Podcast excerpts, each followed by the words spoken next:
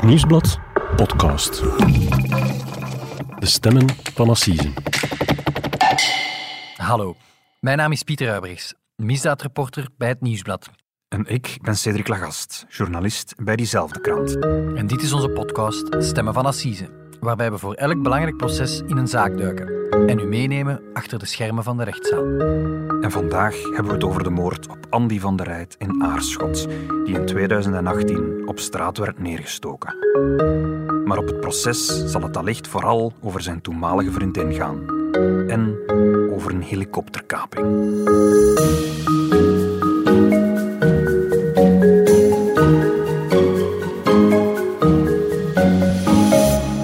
Dag Cedric.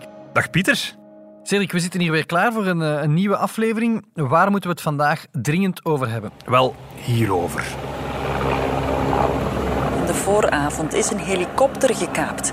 Het zou om een mislukte poging gaan om een ontsnapping uit de gevangenis te organiseren. Er is meteen een zoekactie ge- gestart natuurlijk, maar dat is aan de landelijke omgeving. Het was nog niet meteen duidelijk. Eh, Dus op dit moment, het laatste, de laatste info die wij hebben, is dat ze alle drie nog voortvluchtig zijn. Was er sprake van geweld? Wel, ze is bedreigd met een handvuurwapen, dus dat heeft natuurlijk wel een psychologische impact. Cedric, wat is dat allemaal? Eh, we horen hier een helikopter die gekaapt wordt, een ontsnapping uit de gevangenis, een piloot die bedreigd wordt met een wapen. Leg uit. Ah, wel, je herinnert je dat misschien nog, Pieter. Het is eigenlijk vrij recent gebeurd allemaal nog. In september vorig jaar aan de Brusselse vrouwengevangenis Berkendaal in Vorst. Ja, ik woon daar eh, juist achter de hoek. Ah, wel, voilà. Kijk, dan heb je die helikopter misschien gezien. Nee, toch niet? Nee, dat zat eigenlijk wel dagenlang in het nieuws toen, denk ik. Dat is toen elke avond op televisie geweest. En het werd meteen ook in de meest knullige ontsnappingspoging ooit genoemd. Want eigenlijk, het is helemaal mislukt. Hè. Ze zijn er niet in geslaagd om iemand uit die gevangenis te bevrijden. En om te begrijpen waarom dat die helikopter daar rondjes cirkelde rond die gevangenis, moeten we eigenlijk terug naar een moord twee jaar eerder, midden op straat in Aarschot. Oké, Cedric, dus we zitten met een moord in Aarschot. Wat is daar eigenlijk juist gebeurd? Ja, een zekere Andy van der Rijt. Dat is een man van 30 jaar die eigenlijk in Glabbeek woont. Ik denk ongeveer zo'n 20 kilometer verderop. Het is ook al heel laat, het is eigenlijk half vier s'nachts. Maar Andy is toch naar Aarschot gekomen samen met drie vrienden op zoek naar zijn vriendin, een zekere Christel Appelt. Hij was die kwijt of zo? Of? Maar ze wonen samen eigenlijk. Ze zijn al anderhalf jaar samen. Ze wonen samen in Glabbeek. Maar die dag was Christel naar werk in de fnak van Leuven eigenlijk niet naar huis gekomen. En waarom was ze niet naar huis gekomen? Maar blijkbaar hadden ze ruzie gekregen via de telefoon, via de gsm. Zij zat in Leuven, hij zat in Glabbeek, maar ze sturen naar elkaar sms'jes. Ze bellen elkaar en ze krijgen ruzie en ze wil niet naar huis komen. En hij komt daar zoeken in haar schot. Uren later eigenlijk. Ja, en om 3.30 uur komen ze ongeveer toe en meteen daarna moet eigenlijk een van die vrienden van Andy de politie bellen, want Andy is op straat neergestoken. Door twee mensen. Twee mensen die die vrienden niet onmiddellijk lijken te kennen. Veertien messteken krijgt hij op straat. Het is allemaal heel snel gegaan. En de politie wordt erbij gehaald. Er wordt meteen eh, een grote zoekactie op poten gezet in Aarschot. En de politie krijgt eigenlijk wel veel hulp, want er zijn veel getuigen van de moord. En een van die drie vrienden heeft de moord zelfs gefilmd met zijn gsm. Wat ook niet alledaags is, denk ik. Je zou denken, als dat gebeurt, dat hij hulp gaat bieden of zo in plaats van te filmen. Maar bon, dat is wat er gebeurt. En er is dus sprake van twee daders. En na één uur kan de politie al één van de daders oppakken. En dat blijkt een zekere Bjorn de Kant te zijn. Bjorn de Kant is een liefdesrivaal van Andy, want hij is de vorige partner van het lief van Andy, van Christel. Aha. Christel heeft Bjorn twee jaar eerder laten zitten voor Andy. Dus daar spreekt al een motief uit, denk ik. Een soort driehoeksverhouding. Ja. En dan, uiteindelijk om zeven uur s ochtends, bemerkt de politie dat er een vrouw rondtolt op de grote markt van Aarschot. Ze spreken die aan, want ze lijkt een beetje op het signalement van die tweede gezochte persoon. Iets zegt mij dat het kristelappelt is. Ze zegt van niet. Die vrouw zegt, nee, nee, ik heb daar niks mee te maken. Ik heet Annelies van Hoven, zegt ze. En als ze vragen, wat doe je hier 's morgens vroeg op de markt van Aarschot, zegt dat ze Pokémons aan het vangen is. Dus wacht, die vrouw is op zaterdagochtend op de markt van Aarschot Pokémons aan het vangen. Ja, dat kan, hè. Dat kan. Maar ze heeft geen papieren bij zich. Ze, ze gedraagt zich toch een beetje verdacht. Ze ziet er ook verdacht uit. Ze nemen haar mee naar het politiekantoor. En na wat vijven en zessen geeft ze toe... Ja, zij is Christel Appelt. En ja, ze was erbij bij de moord.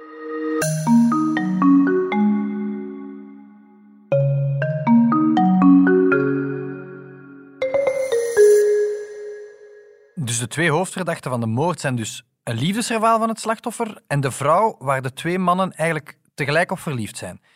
Dan vermoed ik, Cedric, dat het op het proces vooral over die Christel zal gaan. Ja. Leg mij eens uit, wie is Christel Appelt? Wel, op dat moment is Christel Appelt een jonge vrouw van 25 jaar. Zij is eigenlijk afkomstig uit Leuven, maar ze heeft er zelf een problematische jeugd op zitten. Ze is eigenlijk op haar veertiende al geplaatst door de jeugdrechter. Ze brengt haar tienerjaren door in een aantal jeugdinstellingen. En, en daar heeft ze eigenlijk ook haar eerste liefde, Bjorn de Kant, leren kennen. Hij was daar ook geplaatst. En op haar zeventiende wordt ze zwanger van Bjorn. In de instelling nog dan? Wel, ja, ze zat op dat moment nog in die instelling samen met Bjorn. En ze zal uiteindelijk drie kinderen van hem krijgen. Uh, maar ze leven in armoede eigenlijk. Ze kunnen niet echt voor hun kinderen zorgen. En ook die kinderen worden eigenlijk op hun beurt geplaatst in een pleeggezin. Ja, triestige, triestige affaire. Eh, maar eigenlijk vrij snel komt er dan iemand anders in beeld, als ik het goed begrijp. Ja, wel in juli 2017 wordt ze dus verliefd op Andy, Andy van der Rijt. Dat is een werkloze dertiger die ze op Facebook heeft leren kennen. En ze worden een koppel. Maar ook dat was geen romantische relatie, zo blijkt. De politie moest eigenlijk heel vaak tussen beiden komen bij hen thuis. Want er was agressie eigenlijk van beide kanten. Ze waren alle twee zeer gewelddadig naar elkaar toe. Licht ontvlambaar ook, eh, heb ik begrepen. Als, ik, als, ik, als ik kijk, blijkbaar 52 meldingen bij de politie geweest doorheen die jaren. enfin, jaren in de 15 maanden dat ze amper samen zijn. Mhm. Ik tel ook 48 interventies door de politie en 19 opgestelde processen verbaal. Dat is... Uh, ja. Dat is heel veel. Dat is heftig, ja. Andy zou er onder meer achterna gezeten hebben met, en ik som op, een hamer, een koevoet, een sikkel, een houten stok en mijn messen. Maar Christel Appelt zelf op haar beurt zou op café ook hem met een mes hebben gestoken. Hij zou daarvoor in het ziekenhuis zijn beland. En ze zou hem thuis ooit met een wokpan op het hoofd hebben geslagen. En ze hebben allebei eigenlijk foto's van zichzelf in hun gsm zitten met verwondingen op, waarbij dat ze door de ander verwond zijn. Klinkt als een koppel dat misschien beter niet bij elkaar zou blijven. Ja, het is niet... Ja, je vraagt je af waarom die mensen dan bij elkaar zijn natuurlijk. Hè. En zelf in die mate dat Andy van der Rijt blijkbaar op een bepaald moment op Facebook een noodkreet zet van wat moet ik eigenlijk doen om uit deze relatie weg te geraken. En als we dan eens teruggaan naar die, naar die bewuste, fatale nacht, wat is daar dan precies gebeurd? Het is heel vreemd, want de dagen voordien zouden ze eigenlijk goed overeengekomen zijn. Alles was pijs en vrij. Mensen hebben haar nog gezien in de supermarkt, terwijl dat ze hand in hand door de winkel liepen. Um, die ochtend heeft Andy haar nog uitgezwaaid toen ze naar haar werk ging. Zij ging wel werken.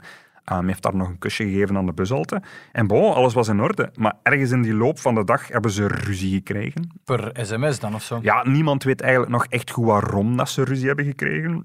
Christel heeft in de middagpauze blijkbaar een blik whisky cola gedronken bij haar boterhammen. Um, wacht, wacht, is beginnen sms'en. Whisky cola bij de boterhammen? Ja, ze, was, ze waren allebei ook alcoholverslaafd op dat moment. Ze beginnen te sms'en, ze beginnen te bellen. Er is ruzie ontstaan en ze wil niet meer naar huis. En ze trekt naar het huis van haar ex, naar het huis van Bjorn de Kant. In Aarschot dan? In Aarschot, ja. ja.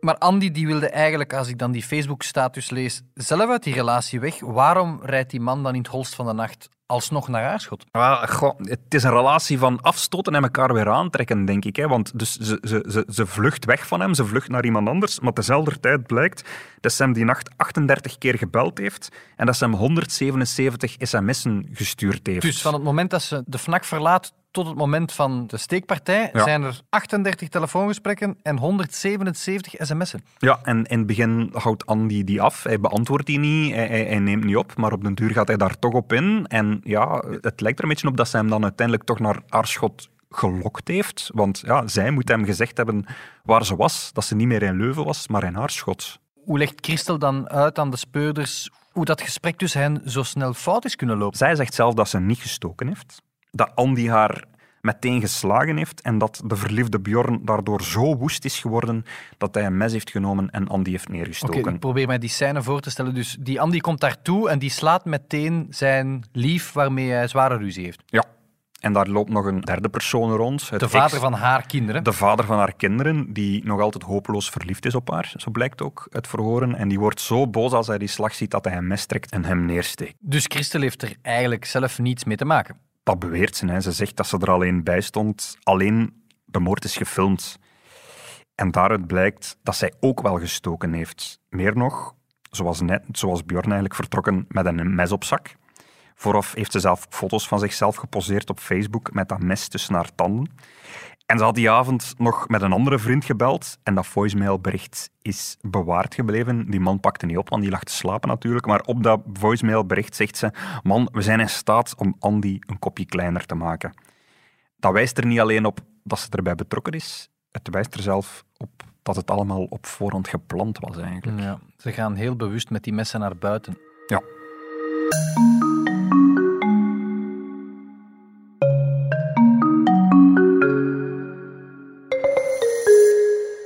Cedric, we zitten hier met drie intrigerende figuren. Uh, het slachtoffer, Andy van der Rijt. Wat weten we van hem eigenlijk? Wel, zoals gezegd, het is een dertiger uit Grabbeek, hè, die eigenlijk een groot deel van zijn leven zelf op de dool was geweest. Er was een drugprobleem, onder andere. Maar volgens zijn familie had hij net voor de moord een nieuwe start gemaakt in zijn leven. Zijn leven gebeterd. Ja, zijn familie vertelde eigenlijk dat hij na zijn vijftiende een vrij chaotisch leven heeft gekend. Dat jaar zijn zijn ouders gescheiden. Zijn grootvader is gestorven en dat heeft een grote impact gehad op zijn leven. Hij is toen een beetje van het pad afgeraakt, aan de drugs verslaafd geraakt, is een tijdje dakloos geweest ook, heeft in de gevangenis gezeten door een opeenstapeling van een heleboel korte veroordelingen. Een soort, een soort veelpleger die zijn leven herpakt. Dat ging eigenlijk beter met hem. Ja, volgens zijn familie had hij zich herpakt. Hij was zo'n vier jaar van de drugs af ongeveer. Hij had nu een vast adres. Hij had net eindelijk ook een job gevonden. Hij zou in de plaatselijke kringloopwinkel kunnen gaan werken.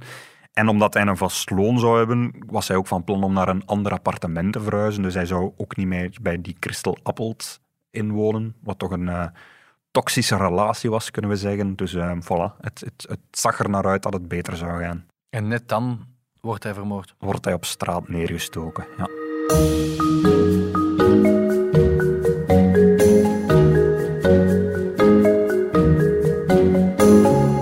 Dus Christel Appelt en, Bjorn de Kant die worden samen verdacht van de moord op Andy van der Rijt in Aarschot. Ik ben mee. Maar hoe komen we dan eigenlijk bij het verhaal van die helikopterontsnapping in Brussel? Wel, Christel Appelt wordt na de moord opgepakt, natuurlijk. Ze wordt in de gevangenis opgesloten in afwachting van haar proces. Eerst in Hasselt, vervolgens in Brussel. De relatie met Bjorn de Kant, als die er al opnieuw was, die is heel snel voorbij. Bjorn wordt heel snel opnieuw gedumpt. Want in januari 2019, dus één maand na de moord al, valt ze in de gevangenis voor de drie jaar jongere Mike Gielen uit Tongeren. Dus ze belandt in de gevangenis en een maand later begint ze een nieuwe relatie al met een andere gedetineerde. Ja, die zit ook in de gevangenis. Ze komen elkaar toevallig tegen in de bezoekersruimte van de Hasseltse gevangenis. En ze kennen elkaar eigenlijk. Ze zijn elkaar eh, toen ze allebei nog vrij waren. En ze zien een bekend gezicht. Ze raken aan de praat en uh, de vonk slaat over. Hè. Snel over, duidelijk. Hè? Um, die Mike interesseert me natuurlijk ook wel. Waar, waarvoor zit hij vast? Voor drugsmokkel. In 2017 was hij samen met zijn stiefvader veroordeeld. Hij tot twee jaar cel voor betrokkenheid bij de drughandel. Het was eigenlijk het drughandeltje van zijn stiefvader. Hij importeerde drugs en uh, die stiefvader heeft tien jaar cel gekregen. Maar het is Mike die dat allemaal gaan verklikken is aan de politie. Klinkt als een fantastisch slimme move en een dankbaar cadeau voor de speurders. Ja, voilà, want hij wordt dus opgepakt. Zijn stiefvader uh, komt er zonder kleerscheuren vanaf, moet, moet wel tien jaar de cel in. Ongelooflijk eigenlijk. Uh, en, en, en met die Mike deze keer wel meteen grote liefde? Ja, precies wel, hè, want in november van datzelfde jaar, dus van het jaar dat ze elkaar leren kennen in de gevangenis, ze trouwen al. Ze trouwen in de gevangenis. Nou, dat gebeurt ook niet zo vaak. Nee, in de gevangenis van Hasselt. Mike Hielen is op dat moment al, al terug vrij. Dus hij keert terug naar de gevangenis om te trouwen met zijn vriendin. En hij gaat dan s'avonds als een getrouwd man terug naar huis, naar Tongeren. Ik herinner mij denk ik die foto's uit de krant. Ja, dat zijn een paar foto's gemaakt, beruchte foto's die, die toen overal gestaan hebben. Hè. Ze staan daarop uh, uh, allebei in een trouwkleren, hij in een blauw kostuum, zij in een wit trouwkleed. Beetje rug tegen rug. Rug tegen rug, met een, met een, met een handjes zoals als pistooltjes gevouwen, als revolvertjes gevouwen, om zo'n beetje te benadrukken dat ze, uh, dat ze bad guys zijn. Mike Gillen zei toen in kranteninterviews eigenlijk dat hij altijd op Christel zou blijven wachten. Zelfs al duurde dat 30 jaar. En dat is geen overdreven inschatting, want dat is wat je, dat je riskeert. Het ligt er op tafel nu. Op een, op een assiseproces voor moord. Maar in de praktijk bleek dat wachten toch moeilijker dan gedacht. We hebben in C nog nooit een nacht naast elkaar geslapen. Hè? Ik weet niet hoe dat, dat is om naast mijn vrouw te slapen. Hè? Snurkt ze, snurkt ze niet? Uh, heeft ze altijd koude voeten? Ik weet het niet, hè? Elke dag opnieuw sta ik op met maar één gedachte. En elke avond kan ik slapen met maar één gedachte. Dat is echt vermoeiend. Ook al krijgt ze 30 jaar, dat interesseert me dus niet. Dan zal ik 30 jaar elke dag als moeten. Ik hoop wel niet dat het zo lang duurt, maar ik denk het niet. We hebben door die corona eigenlijk niet echt kunnen genieten van ons huwelijk tot nu toe. Echt niet. Is ons echt nog niet veel gegund. Dat snijdt. Ook al gewoon omdat ik ze al... Omdat ik al zodanig lang ook niet meer gezien heb. Het is nu vijf maanden geleden dat ik mijn vrouw nog een knuffel heb kunnen geven. Het is vijf maanden geleden dat ik mijn vrouw nog een kus heb kunnen geven. We hoorden hier Mike Gielen, hè, dat, eh, in een interview dat hij ooit gegeven heeft aan enkele programmamakers die een reportage maakten over familieleden van gedetineerden. De reeks is bij mijn weten eh, nog niet uitgezonden, maar dit fragment is wel opgedoken tijdens Gert Late Night, vlak na de helikopterkaping, uiteraard. Het is een vreemd verhaal dat gisteren namiddag begint op de luchthaven in Deurne. Drie mannen huren er een helikopter, maar wanneer het toestel in de lucht is, dwingen de mannen de piloten naar Brussel te vliegen, naar Vorst. Il est passé une première fois vers euh, 4 heures, quelques tours, un peu bizarre, pas, pas, pas très habituel pour un hélicoptère en tout cas, et puis il est reparti. Et puis un quart d'heure après, il est revenu, il a fait de nouveau quelques tours un peu plus bas. 1 plus 1 lijkt me in deze twee, dus ik, ik vermoed wel dat het Mike was die in de helikopter zat en dat hij dus van plan was om Christel te gaan bevrijden. Dat klopt, ja. Doet een beetje denken aan, aan die andere beruchte, eh, weliswaar gelukte uh, helikopterontsnapping uit de gevangenis, met name met topgangster Ashraf Sekaki, Yes, ja. die in 2009 uit de Brugse gevangenis eh, kon ontsnappen. Ja, dat klopt. Die was toen wel gelukt. Hè. Bij Mike Hielen liep het anders af. Hij had samen met twee vrienden een helikopter gehuurd in Deurne bij Antwerpen, zogezegd om luchtfoto's te nemen boven Brussel. Dus ze wouden zo het Atomium en het Koninklijk Paleis gaan fotograferen, zogezegd. Een van die vrienden had daarvoor ook een eh, fotocamera bij. Maar eens dat ze in de lucht waren, haalde Mike Hielen een pistool boven. Een nepwapen, zo bleek later. En hij dwong de piloten om naar de gevangenis te vliegen. Ja, dus de piloot zat niet in de combine, die had er eigenlijk niks mee te maken. Die had er niks mee te maken. Die dacht echt dat ze gewoon een amateurfotograaf naar het atomium vloog.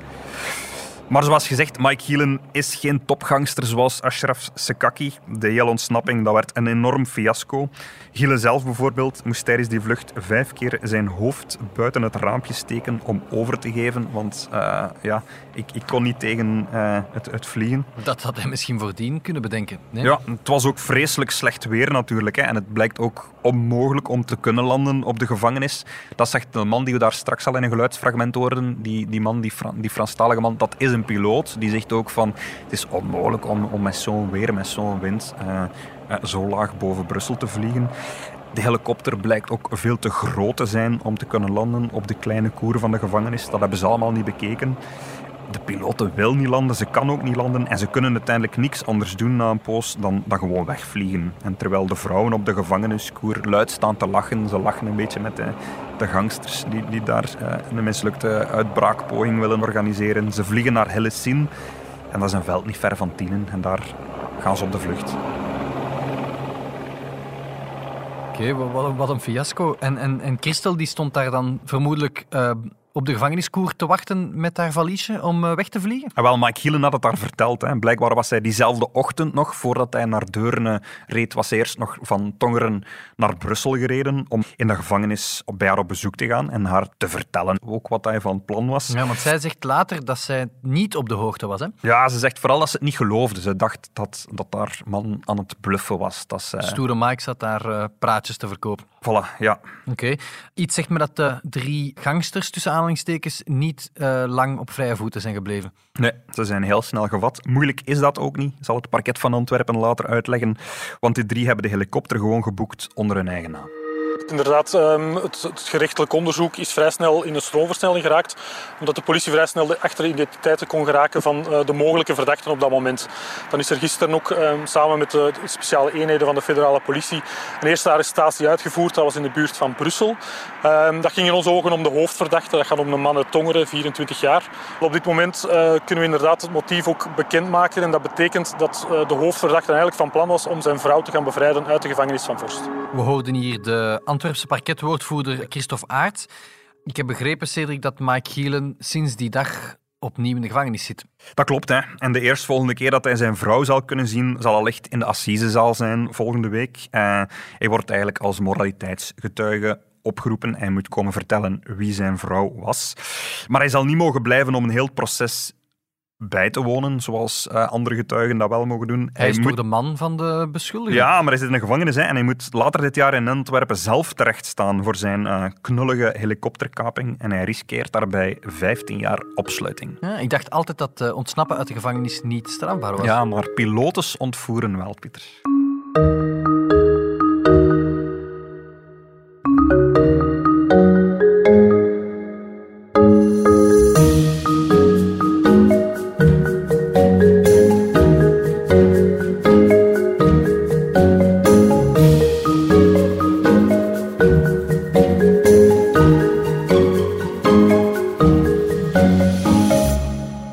Cedric, Christel Appelt en Bjorn de Kant die hebben samen een moord gepleegd.